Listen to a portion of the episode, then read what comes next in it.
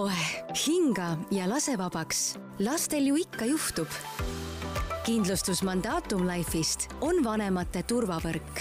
tutvu tingimustega mandatumlife.ee ning pea nõu spetsialistiga, millised kindlustuskaitsed sinu lastele sobivad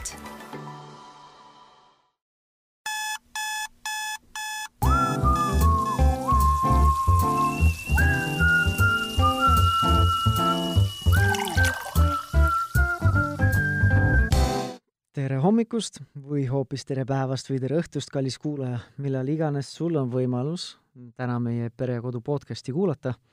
mina olen saatejuht Tanel Jeppinen ja täna on meil teemaks unistamine ja võib-olla natukene ka selline lapse loovus ja selline koos mõnusalt veedetud aeg, aga see on vähemalt esialgne teemapüstitus. eks näeb, kuhu me siis eh, selle vestlusega täna jõuame. ja selleks on täna meil äh, telefoni teel siin stuudios äh, külaliseks Kai Oja. tere, Kai! tere, Tanel! ja esialgu kohe suur-suur aitäh, et sa võtsid aega, et oma mõtteid ja ekspertiisi siia täna jagama tulla ja mõtisklema tulla. aitäh sulle, et äh, kutsusid. ja kuulajale siis nii-öelda kontekstiks, et Kai on ise kolme lapse ema, lisaks on ta veel aeroobikatreener ja eduõpetuste edastaja, kus ta edastab siis Bob Proctori õpetusi. ja et sellest veel kõigest vähe ei ole, siis ta juhendab ka lastele mõeldud kriipsujuku webinare äh,. alguses võib-olla alustakski sellest, et mis need kriipsujuku webinarid on? sest see kõlab, ma ei tea, kas see kõlab sellisena, mis ta tegelikult on ja sellel on tegelikult täitsa äh, tähendus, miks on need kriipsujuku webinarid äh,. nimelt kui nüüd see distantsõpe algas ja tegelikult ju kõik lapsed koju jäid, siis äh, mul tuli selline mõte, et äh, lapsed tahavad niikuinii vahepeal kas olla seal nutiseadmes või arvuti taga, et teeks siis nii, et kui nad seal on, et nad saavad ka midagi sellist põnevat või oma eakaaslastega koos olla ja võib-olla hoopis uusi tuttavaid äh,. nii et mõtlesin, et teeks laste webinari ja mis selle nimeks panna muud kui kriipsujuku webinar just seetõttu, et äh, nagu sa ütlesid, ma edastan Bob Proctori õpetusi, siis äh, kriipsujuku joonistus äh, on tegelikult joonistus meie mõistusest. et kuna me kõik mõtleme piltides, aga mõistuses meil pilti pole, aga väga tihti kõik asjad saavad meie mõistusest alguse, mis mõtted meil seal peas liiguvad ja selleks, et seal midagi muuta, on sellest vaja pilti, nii et äh, sellepärast selle webinari nimi ongi kriipsujuku webinar. ja kui vaadata seda logo, mille tegi mu õde, siis äh, on, äh, ta ongi mõnes mõttes kriipsujuku, kui me kujutame ette on ju seda ümmargust pead ja, ja sellist sirget keha, käsi, jalgu, siis üks erinevus on sellel kriipsujukul, et keha on tal ka ümmargune, aga selline juba kolm korda väiksem kui pea.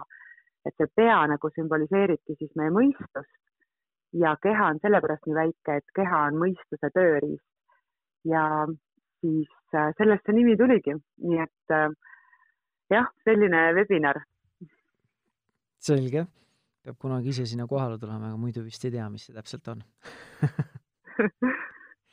aga räägime sellest loovusest või sellest unistamisest tegelikult, mina ise panin selle loovuse sinna juurde, võib-olla see ei olegi üldse seotud. Ähm, kui toimetus ütles, et see oleks üks vahva teema ja sina oleks üks äh, vahva külaline, kellega seda teemat siis lahata või sel teemal arutleda, siis äh, see pani mind ennast ka mõtlema, et mida me sellest nii palju rääkida saaksime, et äh, siis saadet teha. kas sa saad natukene avada seda, mis see unistamine sinu jaoks üldse tähendab ja ja kuidas või miks, miks me peaksime seda lapsele üldse õpetama? sest kui mina, minu lapsed on võrdlemisi noored, viie- ja kolmeaastane, siis no nendel see unistamine on suht selline suure lennuga. et äh, saad sa natukene ise kommenteerida seda ähm,? nii, nüüd tuli nii palju küsimusi, ma mõtlen, äh, kust ma alustan. ma alustan sellest, et unistamine on tõesti hästi oluline äh,. sest tegelikult me loome ju kõiki asju kaks korda. Kõigepealt on mingid asjad, äh, mõtted, ideed on meie peas ja siis need alles saavad füüsilisse maailma, et ükski asi ei saa füüsilisse maailma ilma, et me sellele üldse mõtleks. Äh, ja mina arvan küll, et loovuse unistamine on käsikäes, sest kust meil ikka need ideed ju tulevad, need tulevad ka unistamisest. minul on lapsed ühed, äh, üksteist pool, kümme ja seitse pool. Nii et mida ma näen nende kahe vanema poisi juures on juba seda, et seda unistamist jääb natuke vähemaks. Mm, sest äh, koolis sa pead on ju istuma seal koolipingis ja mis sa vaatad aknast välja ja unistad ja vaata, näe, siin on äh, asjad, tee need ära. lasteaias nagu on seda varianti natuke rohkem. Mm, ja mis ma oma laste pealt veel näen, on see, et Äh, kuna nad äh, tõesti ei, meie peres ei ole lastel arvutit või ei ole oma mingeid nutiseadmeid või ei teleka ega arvutimänge, siis äh, see loovus läheb nagu hästi lahti. et ma ei tea, nad ise teevad endale paberist arvuti või nüüd see seitsmeaastane terve köök on meil värvi täis, et ta meisterdab seal, lõikab munatopse katki ja, ja nii edasi.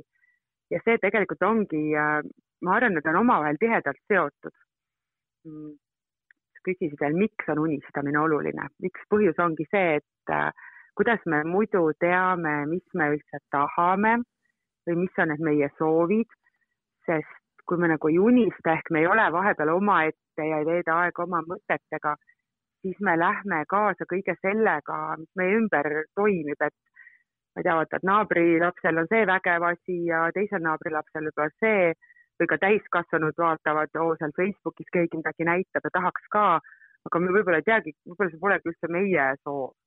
nii et tuleks võtta aega nagu unistamiseks ja mõelda, mis, mis nagu sina ise päriselt tahad.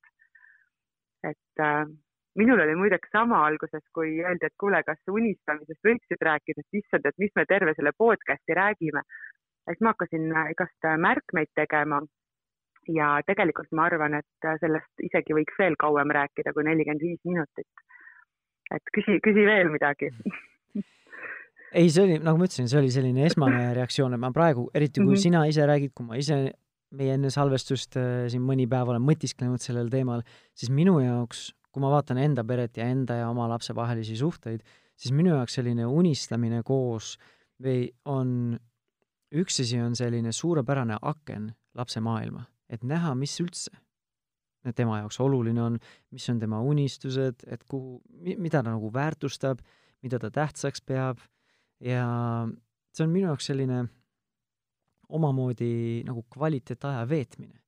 ja et lihtsalt võttagi aega, et see on nagu koos oldud aeg. seda, see ei ole, minu jaoks ei ole see, et ainult unistamine on see, mis seda täidab, aga see on selline suurepärane vahend, et olla koos ja mingil määral minna siis ise sinna lapse maailma ja, ja kogeda seda ja võtta selleks aega.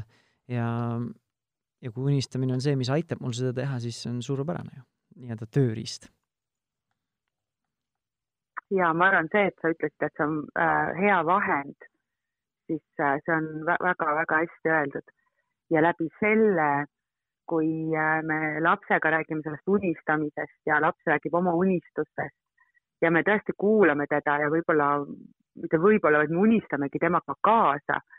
küsime võib-olla küsimusi, et ta saab veel detailsemalt rääkida, siis me saame ka ise tuletada meelde, mis, mis on need meie unistused olnud, sest tihti ju täiskasvanud inimene unustab äh, selle ära, kui ta saab suureks ja kui peab olema korralik ja, ja ei tea, enam ei, tohi lapselik on ju olla. et äh, jah, see on hästi-hästi öeldud, et see on vahend mm. -hmm no nüüd ikka äh, küsimus, miks me peaksime õpetama seda lapsele? et äh, üks asi, mis sa välja tõid, on see, et kui sa ütlesid, et vanemad lapsed väga, ma ei tea, kas nad siis ei oska, aga või see on kuidagi nagu selline, ei, ei tule võib-olla nii vabalt, siis see on üks asi jälle, mis need äh, äh nii-öelda demokraatliku kooli propageerijad siis propageerivad, ütlevadki, see traditsiooniline, see koolisüsteem võtabki, panebki nagu mingil määral sellise loovuse lastel kinni, sest alati on ainult üks õige variant, üks õige lahendus, üks õige vastus, et sa, et sa ei saa väga võib-olla loovalt läheneda nendele asjadele.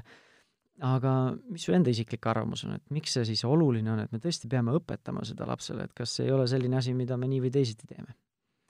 või lapsed teevad nii või mm. teisiti? see on äh, väga, väga huvitavalt sõnastatud, et miks me seda peame õpetama. Äh, kui me kui laps seda unistamist või, või siis võtame ka meie, kui väiksed olime või kui inimene seda väiksena lapsena unistamist ära ei kaota, siis tegelikult ei peagi talle seda õpetama. et võib-olla me siis pigem hoopis peaks hoidma lapsel seda, et kui ta palju kui ta unistab ja ta ongi väga loov ja, ja räägib vägevaid lugusid või mõtletagi välja, siis mitte hakata seda järsku piirama. et äh, ja sa kooli kohta ütlesid ka hästi, et kui, kui koolis kõik ongi nagu noh, kõik peavad nagu ühte nööri mööda käima, ma saan aru, kui kollektiiv on koos ja sa pead koos nagu toimima aga see jah, nagu pärsib, et, et, äh, et sealt võib-olla tulebki see, et õpetage lapsi unistama, aga võib-olla lihtsalt nagu lubada neil edasi unistada. et äh, kui ta ikkagi unistab äh, saada maailma parimaks jalgpalluriks, las tal see unistus siis, unistus siis olla.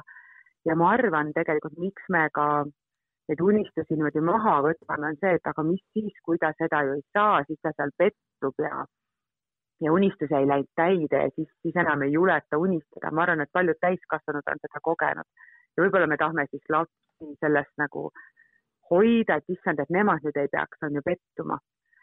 Äh, aga ma arvan, et seal on jällegi see suunamise küsimus, et äh, kui väga ta seda unistust tahab, et tegelikult on võimalik, et see saab nagu päriselt teoks. Äh, et mis, mis samme siis, kas ta saab selle suunas astuda?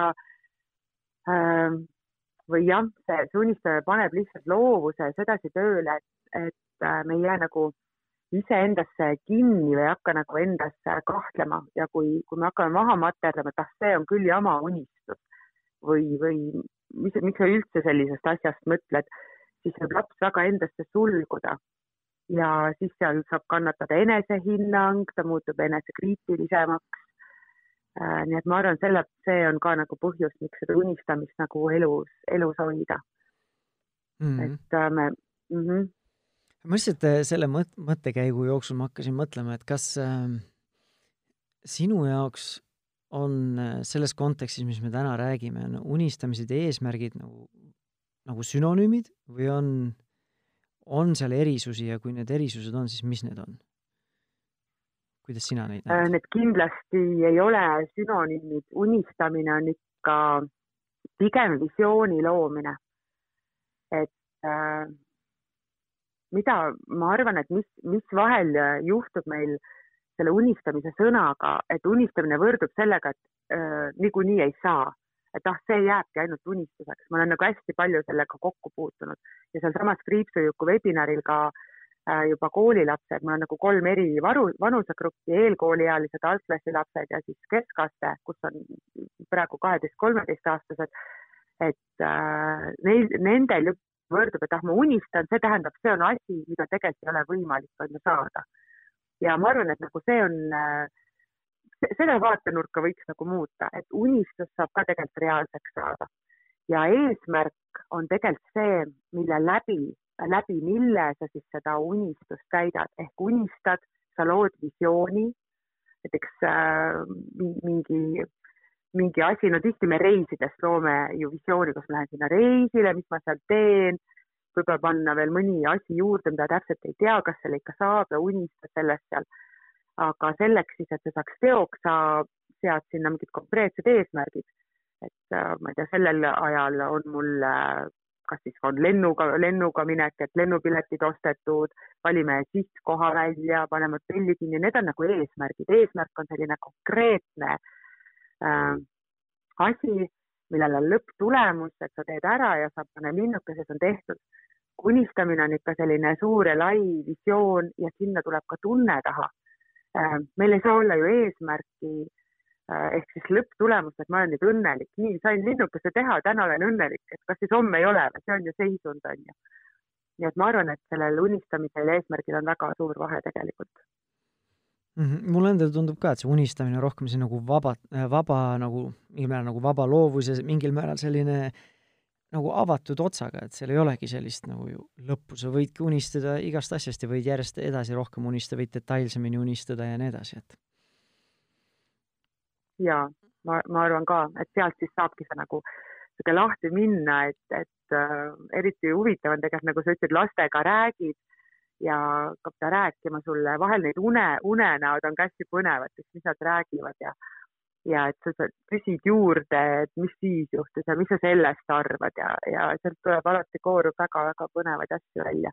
ja ma arvan, et see ongi üks viis, ma tulen nüüd natuke selle juurde tagasi, mis sa enne ütlesid et, et ka oma last õppida paremini tundma, mis on tema sees, ja see on tegelikult ju ka üks vahend, kuidas siis äh, võib-olla laps, laps ennast ava äh,, avaneb äh, sinu jaoks, muutub avatumaks äh, ja noh, seda, kui me julgustame last unistama, siis, siis me saamegi teada tema kohta palju rohkem asju, mis talle ka teha meeldib ja teha temaga koos neid asju, mis talle siis meeldib mm. -hmm näed, vot sellise asjani jõudsime, miks on tegelikult unistamine hästi oluline no,. mina olen ise selline rohkem, ma ei tea, kas pragmaatiline või vähemalt praktilisem inimene, et ma olen nagu no ma ei tea, meeldib niisama ka olla, aga ma näengi, et pigem mina näen selles, et ongi suurepärane selline vahend, kuidas üks asi näha, mis lapse maailmas toimub, aga teine asi siis ongi, et seda enda ja lapse vahelist suhet eh, nii-öelda kas võimestada või siis eh, jõustada, et ja sinna nagu panustada, et laps tõesti näeb ja kogeb ja kuuleb ja ja näeb, no ongi nagu kogeb, et et isa või ema nagu hoolib, vaatab, näeb teda ja aktsepteerib teda ja tõesti on investeeritud tema unistusse ja vaat-, jälgib temaga koos seda mingit visiooni ja nii edasi, et see on nagu minu arust on hästi vahva selline kvaliteetaja äh, selline versioon.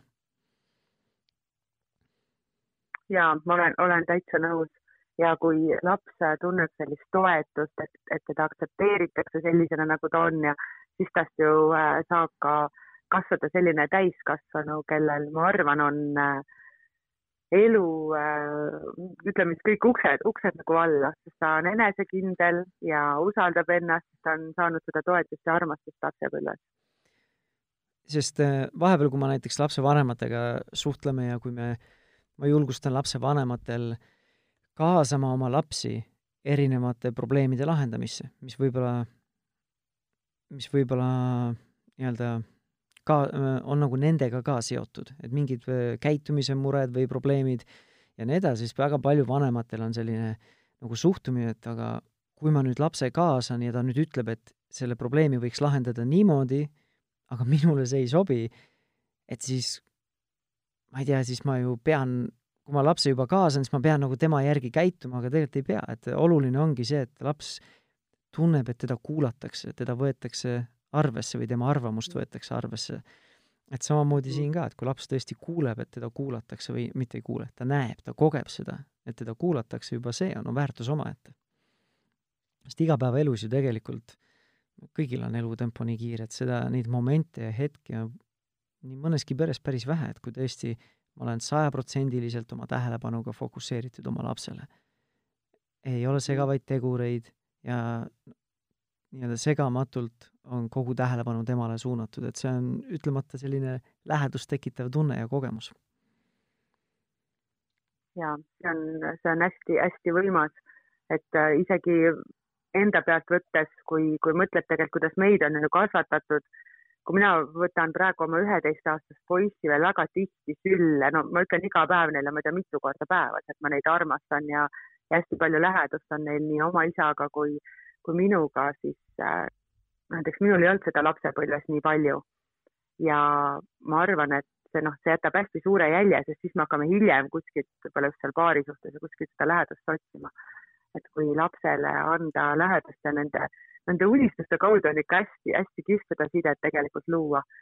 et äh, ma arvan, läbi selle isegi avastab ikkagi jah, enda kohta ka midagi päris toredaid asju. et äh, kindlasti äh, suunata lapsi unistama. Nii et äh, see on, see on vägev, vägev asi. Jaa, aga et, et tänane see vestlus ei jääks selliseks hästi ümmarguseks, et unistage koos, hoidke käest kinni, laulge Kumbaya või mis iganes, et et mis me, mis on sellised praktilised asjad, siis mismoodi seda siis teha või mis on sellised, ma ei tea, kas vahendid või mingid raamistikud, kui keegi näiteks kuulab, jaa, aga ma olen ka rohkem selline praktiline, et mis ma siis ütlen, küsin, lähen lapse juurde, võtan tal käest kinni ja ütlen, kuule, aga mida sa unistad või või, või, või ma ei tea, lähed teismelise juurde hommikul või õhtul mingi teetassiga paned kaks teetassi lauale, et kuule, räägi nüüd oma unistustest. teismeline tõmbab ise juba kinni, mis sa tahad must, kas mida, mida ma valesti olen teinud eks, eks ta nii ole, see on, see on väga hea. muidugi äh, ma arvan, et kui ma küsiks ka just teismelise käest, et mis sa tahad, et või räägi oma unistustest, siis ta hakkab pabistama, mis ma valesti tegin ähm,. Esimene asi on see, et äh, ise võiks enda unistusi jagada. ehk siis äh, järjest rohkem kuskil ütleme viimase poole aasta jooksul olen ma märganud seda, et no ma olen seda alati teadnud, lapsed ju õpivadki jälgides ja meie oleme lapsele eeskuju, et kui ma ikka iga kord koju tulles jope põrandale viskaks ja lastel käsiks seda nagisse panna, siis no miks nad peaks nagisse panema, kui mina ees midagi muud teen. nii et äh, tuleb ise kõigepealt olla avatud ja rääkida oma unistustest äh,. ja see, see teeb tegelikult äh, paneb lapse ka rääkima ja võib-olla ei pea ka just seal seda sõna unistus äh, kogu aeg on ju kasutama, vaid nagu fantaseerima, rääkima, mis me võiks teha, küsida lapselt, mis ta näiteks tahab teha, suvi just algas, on ju, et, mis sa tahaks teha, et unistame, mis oleks ideaalne äh, suvepäev sinu jaoks ja ise, ise seda kõigepealt nagu jagada. me oleme ju eeskuju ja kui ongi laps näiteks väga kinnine ja ei, ei taha üldse jagada, siis ega, ega talt ei kangutagi midagi välja, aga lõpuks äh, mida mina olen näinud ka selle kriipsujuku webinaril, kui algul mõni laps üldse pole väga kaasa rääkinud, siis äh, ma hästi palju jagan mingeid enda lugusid ja need, kes on juba siis sellised julgemad äh, lapsed räägivad, siis lõpuks ikkagi laps tahab kaasa rääkida. eriti kui sa annad signaali, et tegelikult kõik, mis sa ütled, on nagu okei okay. Äh, ja tehagi nagu koos mingeid plaane, küsida, mis talle meeldib teha ja ma arvan, et saab alustada mingist konkreetsest asjast. et näiteks kui me läheme mere äärde, mis sa tahaks seal teha, et võib alustada sellistest äh, väiksematest unistustest siis ja mis, mis väiksemate laste puhul toimib, kes äh, jah, võib-olla käivad juba algklassides ka, aga just eelkooliealised, et äh, nende käest ka küsida võib-olla, mis on nende lemmikkangelane et võiks rääkida mõnest oma kas lemmikmultikast. Ähm, see nagu aitab ka aru saada, mis, mis on see, mis, mis talle nagu meeldib mm. -hmm. ma nagu nõu-, nõustun sellega, et, et eeltingimus sellele võiks olla see, et laps tunneb, et, et teda varem ka kuulatakse, sest kui muidu näiteks varem on suhtumine olnud see, et laps räägib siis, kui kana pissib, ja nüüd järsku ema või isa tuleb, et kuule, aga räägi nüüd, siis on see, et aa, sa pole kunagi mind tahtnud kuulata, et mis ma ikka räägin, ütledki mhm. tulevadki sellised ühesõnalised, kahesõnalised eh, vastused, jah, okei okay,, normaalne, kõik on hästi, kõik on korras. et äh, mingil määral, et oleneb jah, kui palju sa ise tunned, et see barjäär on sinu ja lapse vahel. et kui seda barjääri ei ole, siis ta võibki vabalt ollagi nii, et lihtsalt muuhulgas hommikulauas lihtsalt äh, poetame mõne küsimuse ja lihtsalt laseme lennata fantaasial või loovusel, äh, teinekord võib-olla peab seda natukene rohkem planeerima, võib-olla tegema mingi sellise ma ei tea, pereõhtu mingi mängu või ringi või mis iganes mm. -hmm. et, äh, et ei olegi võib-olla sellist ühest vastust, et kõik oleneb, oleneb lapsest, oleneb vanemast, oleneb nendevahelisest suhtest, kindlasti oleneb ka meelsusest, et kuna sa seda teed, et kui juba mingid pinged on või mingid hõõrumised on, siis noh, see tavaliselt ei, ei loo seda soodsat keskkonda, et nüüd hakkaks vabalt voolama mingi loovus. et siis võib-olla peab natukene rohkem vaeva nägema, et seda, neid äh, avada nii-öelda neid uksi või neid kraane siis mm. mul tuli äh, kaks head asja veel, äh, mis, mis unustasin öelda. üks on ka läbi joonistamise, ka läbi, äh, üldse läbi mängu panna lapsedeks ka joonistama midagi, eriti kui talle meeldib joonistada. Äh, siis äh, näiteks Legod, mul on kõik kolm on ju poissi ja vahel see, kuidas nad ehitavad ka tegelikult suurtemate klotsidega, see, mida nad kõik fantaseerivad ja ette kujutavad, äh, see on, see on tegelikult nagu hästi-hästi vägev. Ja lapsel ju käib kõik läbi mängu, nii et sealt ka läbi selle mängu istu maha, võtagi see auto kätte ja laps hakkab rääkima, kus see nüüd sõidab, kuule, siin on mängult bensujaam, siin on mängult pood võib-olla lihtsalt üks klots pandud püsti, pole nagu päris maja ehitatud, et fantaasia on neil nii vägev ja kui, kui nagu seda aidata arendada läbi mängu, siis julgeb nagu ka elus neid asju, mis, mis ta noh, elus nüüd oma eluga tahab võib-olla teha, neid nagu julgeb unistada. üks hästi kihvt asi on jututäringud. Need tulid ka minuni mu õe kaudu, kes tegeleb visualiseerimisega, siis äh, selle noh, õpetuste edastamisega, siis tema tõi meile sellised ma ei tea, kas sa, Tanel, tead neid äh, jututäringuid, kus mm -hmm. igal küljel on mingi pilt ja sa võid isegi, vahet ei ole, võib-olla mõni näeb, et see on redel, teine keerab teistpidi, näeb, et on aed ja siis seal saab hästi erinevalt, et näiteks räägi lugu, kas igaüks jätkab seda ühte sama lugu või sa veeretad ühe täringu, pead terve loo rääkima, sul või sul on viis täringut, viis erinevat pilti, räägid loo. et, äh, et vahel on, see on tegelikult hästi kihvt vahend ja sinna võib ka täitsa nii teha, et sa näed neid pilte, aga räägi midagi, mis sina tahad, et su elus oleks ja kus näiteks need pildid on sees või.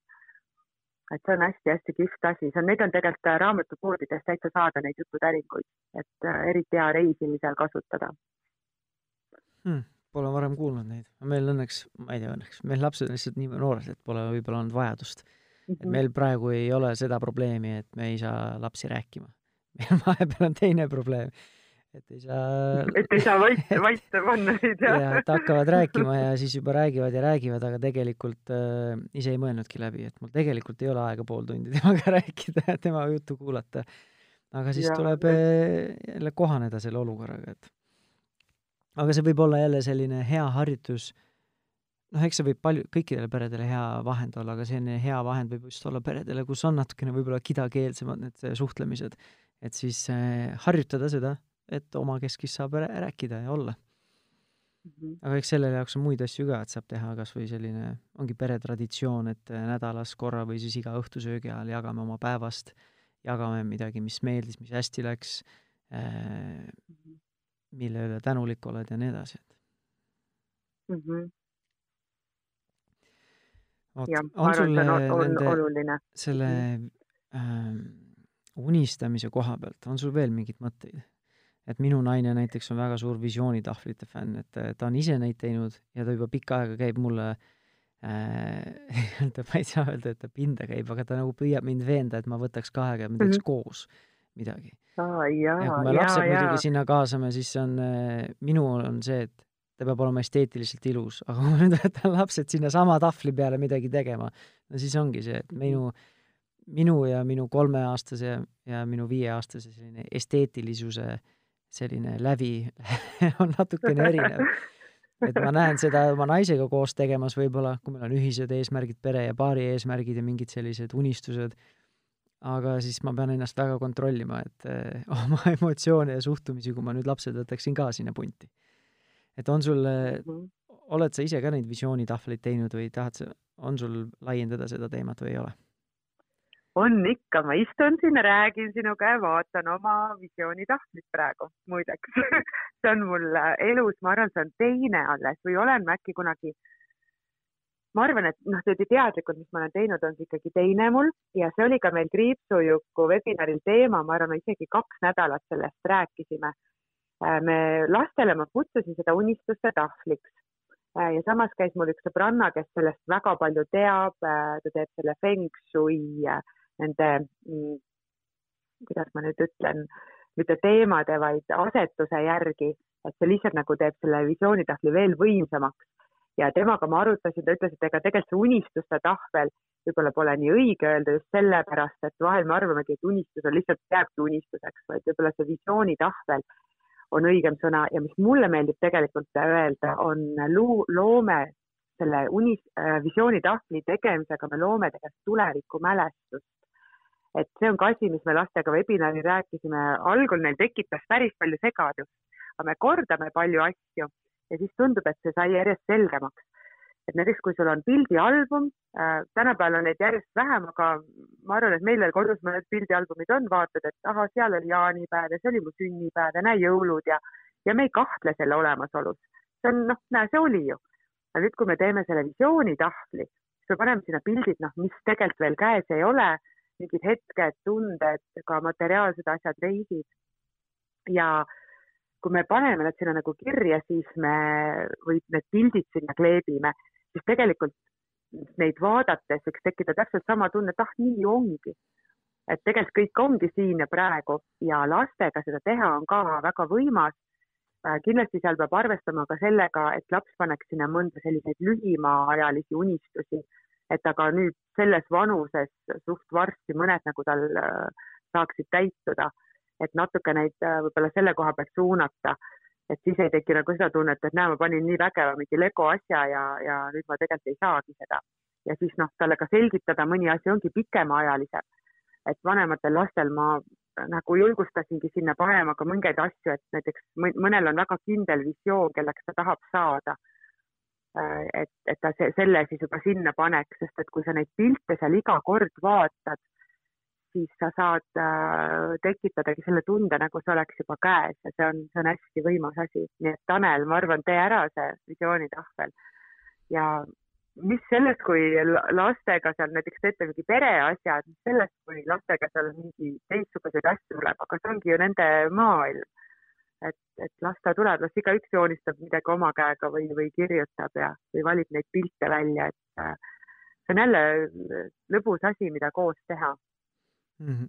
no ma üldse, minu jaoks selline läbiv teema ongi selline nagu suhete hoidmine, eh, oma pere nii-öelda indiviidide nägemine ka indiviididena, aga samas ka selline nagu ühtse, ma ei tea, üksuse või ühtsuse loomine.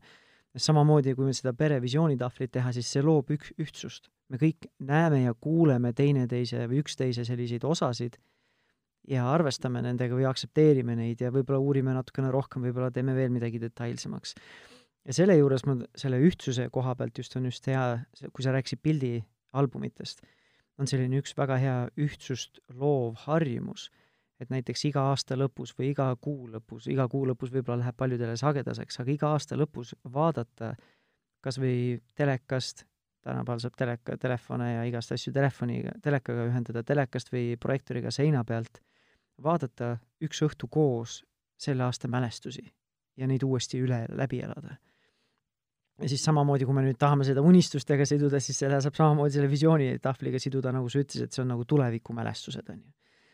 Mhm. ja, ja teine asi, mis mul mõte tuli, on see, kui ma nüüd hakkan oma lastega neid visioonitahvleid tegema, et siis lastele tuleb, mina pean ikkagi selgeks tegema, et see on unistuste tahvel.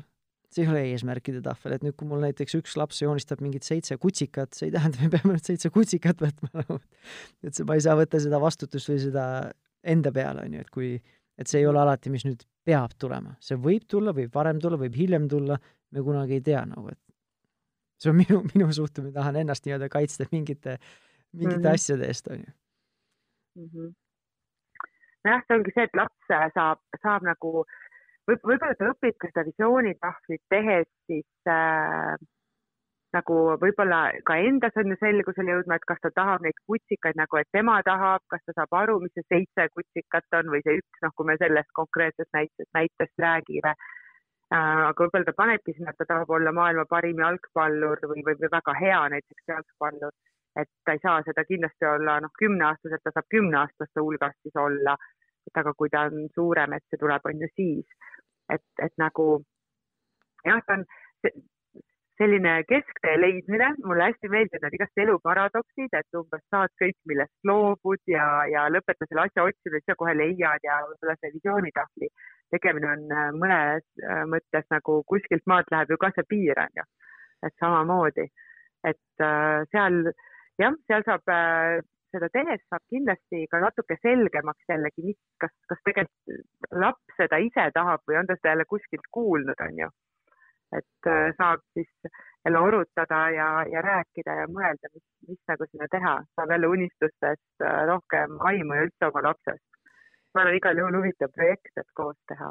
ja no seda ei pea võtma mingi hullu psühhoanalüüsina on ju lapse puhul, aga teinekord, kui tahad, siis võib võib-olla selle pildi juurde tagasi tulla ja lihtsalt arutleda nendel teemadel, et mida sa siin mõtlesid, miks see sinu jaoks tähtis on ja lihtsalt vaadata nagu, mis sealt avaneb.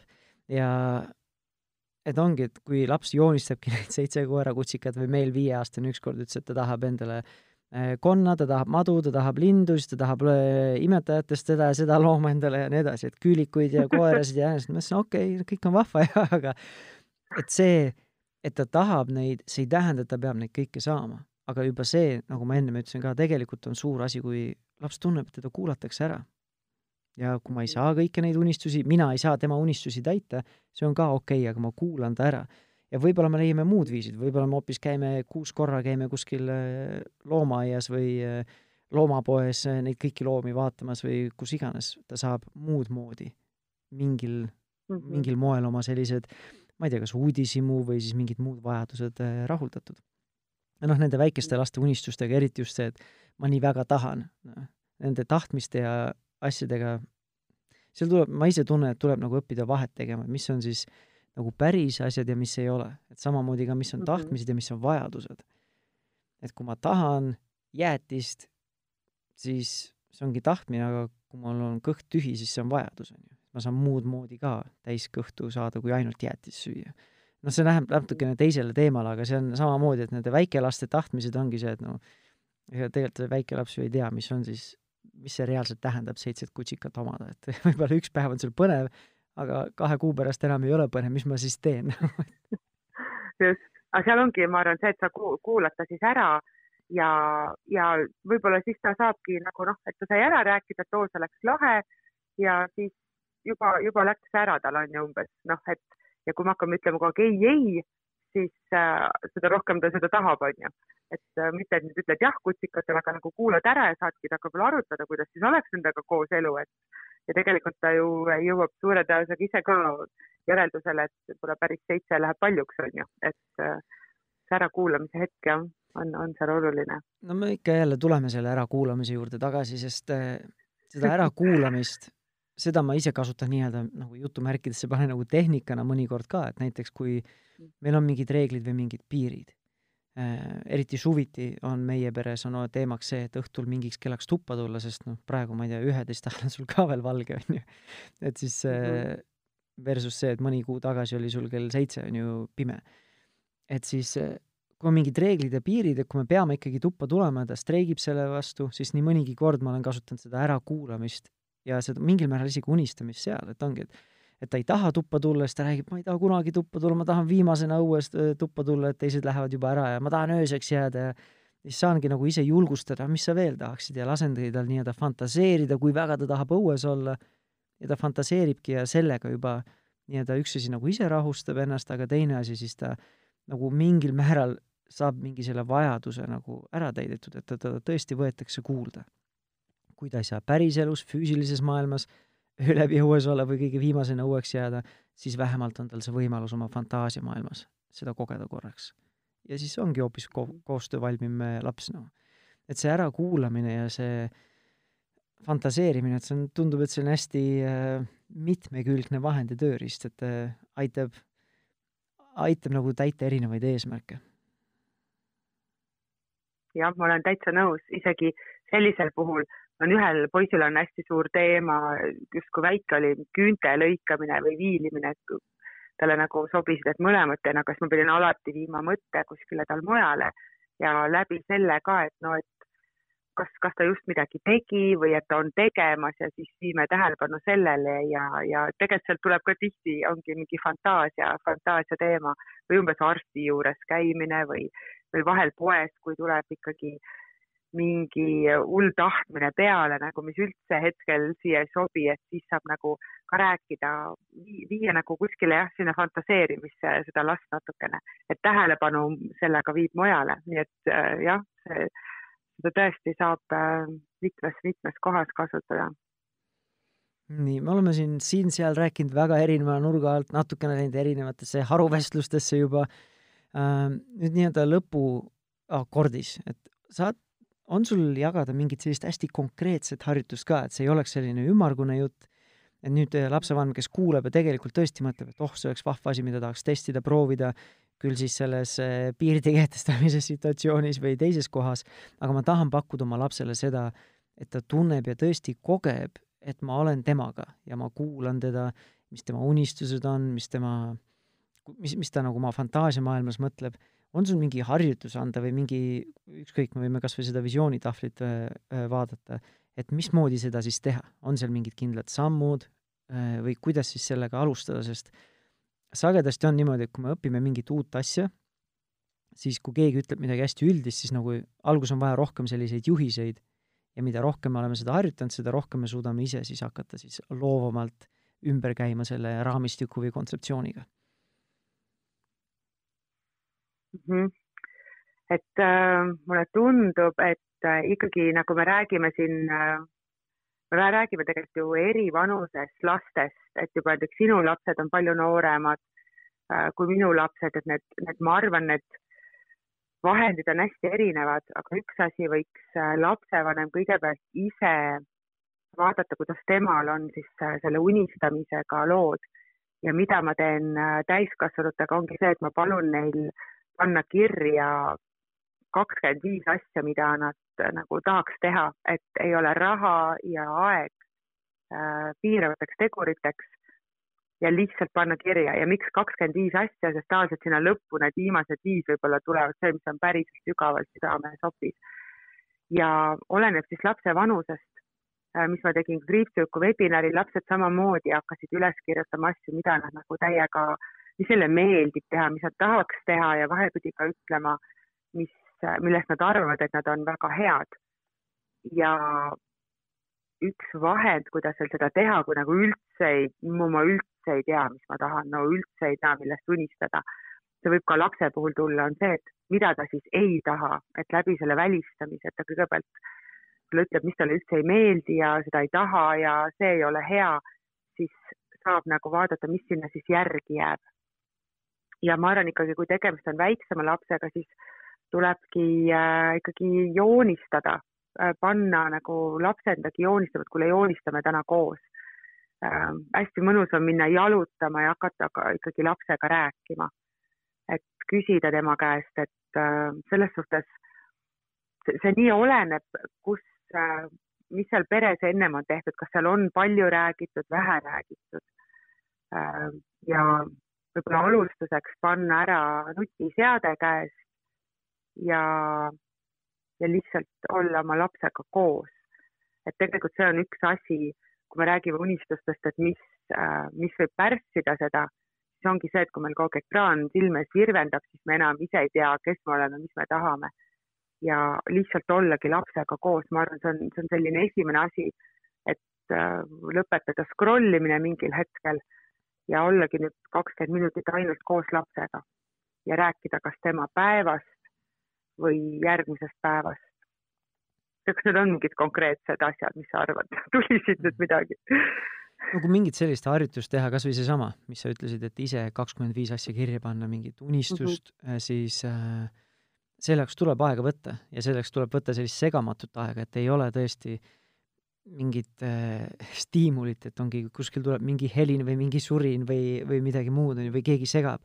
Et ma tunnen, et mina olen, nii palju kui ma ise olen iseendaga tegelenud, siis selleks tuleb aega võtta, et iseendasse vaadata, sest see võtab natukene võib-olla aega. Ja sa, kui sa ütlesid ka, et need viimased viis võib-olla need asjad, mis tõsiselt olulised on, siis ma jagaksin, et tavaliselt need esimesed on need, mis on, tulevad lihtsalt ja võib-olla ongi igalt poolt mujalt lihtsalt, kultuurist, meediast, mujalt tulnud, ja siis vahepeal tekibki võib-olla plokk ja selline tühjus ja siis tulebki sellest tühjusest nagu läbi minna, lihtsalt olla natukene, veeta endaga aega ja mõtiskleda ja vaadata ja samamoodi ka, et see põhimõtteliselt ongi endaga aja, aja veetmine, et endaga panustada iseendaga suhtesse.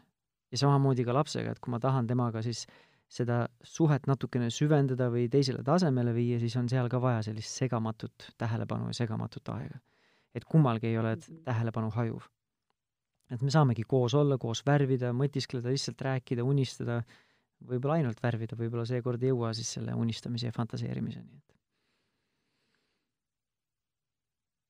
jah, et kus, kus siis see aeg võtta, kus sina võtad seda aega ma arvan, et paljud kohe küsivad. aega nagu ei olegi kellelgi ekstra, et tuleb lihtsalt planeerida, et see tuleb kuskilt võtta, et kas ta tuleb mingi, mingi tegevuse arvelt. aga noh, meie peres on nii või teisiti, me püüame ise äh, leida seda üks-ühele aega. et mina ja minu naine, me käisime just siis äh, lastevabal nädalavahetusel, teisipäevast neljapäevani oli meie nädalavahetus, ja siis me püüame kord kvartalis saada ka seda, et kumbki laps saab äh, minuga üks-ühele päeva ja minu naisega üks-ühele päeva. et neid asju, neid, seda aega ei leidu meil niisama, et see tuleb lihtsalt kalendrisse panna. ja samamoodi on ka nende asjadega, kui need on tähtsad, ükskõik, kas see üks-ühele joonistamine või siis mingi pere selline visioonitahvli tegemine või pere hoopis selline äh, õhtusöögi formaat, kus me siis jagame mingeid unistusi või mida me, millest me tänulikud oleme, et lihtsalt saada üksteisega kontakti. et eh, seda tuleb teadlikult eh, luua. seda enam, kui meile, me ei ole ise selles keskkonnas kasvanud, et see on meie, meie nii-öelda teine loomus, siis me peame ise selle looma enda peresse, enda ellu. jah, olen absoluutselt nõus teadlikult looma, sest aega on kõigil ühe palju, sul on täpselt sama palju tunde päevas kui minul ja mitte siis, äh, mis, mis, kui mina sain teada, et mitte ma ei planeeri oma aega, vaid ma, mm, ma planeerin tegelikult tegevusi, mida ma ajaga teen, on ju, aeg kogu aeg lähebki. aga mida ma siis teen selle ajaga, et võib-olla ei vaata täna õhtul äh, telekat, vaid lähme hoopis õue jalutama, jätan telefoni ka koju ja, ja siis juba hakkavad asjad teises suunas liikuma. lihtne. jah eh,. tahad sa kuidagi kogu selle teema veel kokku võtta või tundub, et sai kõik asjad öeldud? Ma arvan, et meil said äh, kõik asjad öeldud jah, et ma, ma tahaks jah, et siit jääks äh, selline asi kõlama, et see eeskuju, et, äh, et see on, see on nagu, mida, mida ma näen just seal kriipsujuku webinaridel, kus tuleb see laste erinevus käitumises või suhtlemises. ma räägin ka iga reede nende vanematega, mitte küll kõik ei käi kohal, aga see eeskuju on kõige tähtsam, et kui sa mõtled, et midagi peaks oma, peaks su lapses olema teistmoodi, sa arvad, või, või näed, on liiga kinnine, siis vaata kõigepealt, äh, mis sa iseendas saad selles osas ette võtta, sest see kandub kõik lapsele üle. nii on. kui äh, keegi nüüd kuulas ja neil on väga huvi näiteks selle kriipsujuku äh, webinaride kohta või mingid muud meistriklassid, mida sa teed, kust nad sinu kohta rohkem infot leiavad? Minu kohta leiab rohkem infot äh, Kai Oja Consultingu lehel, mis on mul Facebookis, koduleht on veel tegemisel. Äh, ja ma palju asju jagan ka oma isiklikul Facebooki lehel, seal on mul kontaktandmed ka olemas. et äh, kriipsujuku webinaridega nüüd jaanipäevast me selleks aastaks lõpetame, et lapsed saaks ka suvepuhkusele minna aga vaat kindlasti midagi teen ma sügisel edasi ja võib-olla tuleb ka mingisugune selline ühis, ühispäev, vaatame, kuidas augustis need piirangud on siin Eestis, et võib-olla kokku saada ja kõigil nendel teemadel rääkida laste ja vanematega koos, et silma tasub kindlasti peal hoida. väga vahva. aga aitäh sulle, Kai, et sa võtsid selle aja meiega vestlema tulla. suur aitäh sulle, Tanel, et äh, saime vestelda, aitäh sulle. ja aitäh sulle ka, kallis kuulaja, tänaseks külaliseks oli siis Kai Oja ja tema kontaktid leiad siis Kai Oja Consulting äh, Facebookist. ja tänase teema nii-öelda lõpetuseks äh, ongi julgustada teid unistama rohkem ise kui ka oma lastega ja siis äh, kuulake ka siis oma lapse fantaasialendu ja, ja unistusi, et ta tõesti kogeb ja tunneb, et ta on kuulatud, ta on aktsepteeritud ja, ja ta on tähtis ja ta on väärtuslik ja samamoodi on see, mida ta jagab, on väärtuslik ja tähtis. vot, aga selleks korraks kõik ja nagu ikka, kui tänane podcast oli sulle meeltmööda, siis meil on nii-öelda arhiivis eh, varasemalt salvestatud saateid juba kümneid ja kümneid, varsti läheneb juba sajale ja sa leiad kõik need varasemad podcastid kas oma nutitelefoni podcasti rakendusest, Spotify'st või siis Delfi ning Pere ja Kodu veebiväljaannetest. ja kui sa oled juba suur podcastide kuulaja, siis kindlasti vaata ka minu sooloprojekti Rahumeelse vanemluse podcasti, mille leiad samamoodi oma nutitelefoni podcasti rakendusest. aga selleks korraks kõik aitäh kuulamast ja järgmise korrani, tšau!